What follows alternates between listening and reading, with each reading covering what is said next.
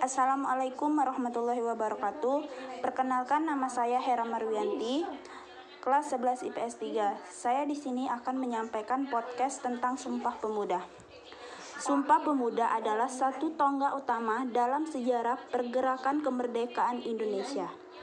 Ikrar ini dianggap sebagai kristalisasi semangat untuk menegaskan cita-cita berdirinya negara Indonesia. Yang dimaksud dengan Sumpah Pemuda adalah keputusan Kongres Pemuda kedua yang diselenggarakan dua hari 27 sampai 28 Oktober 1928 di Batavia atau Jakarta. Keputusan ini menegaskan cita-cita akan ada tanah air Indonesia, bangsa Indonesia, dan bahasa Indonesia Keputusan ini juga diharapkan menjadi asas bagi setiap perkumpulan kebangsaan Indonesia dan agar disiarkan dalam berbagai surat kabar dan dibacakan di muka rapat perkumpulan-perkumpulan.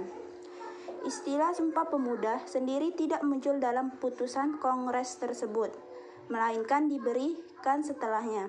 Berikut ini adalah bunyi tiga keputusan Kongres tersebut sebagaimana tercantum pada prasasti di dinding Museum Sumpah Pemuda.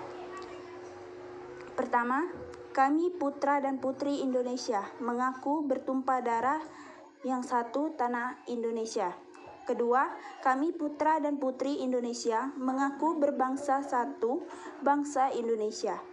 Ketiga, kami putra putri Indonesia menjunjung bahasa persatuan bahasa Indonesia.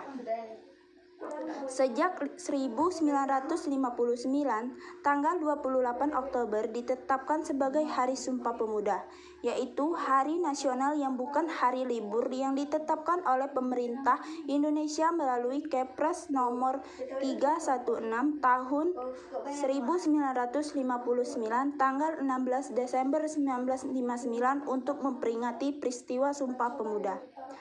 Mungkin ini saja podcast yang dapat saya sampaikan. Terima kasih. Wassalamualaikum warahmatullahi wabarakatuh.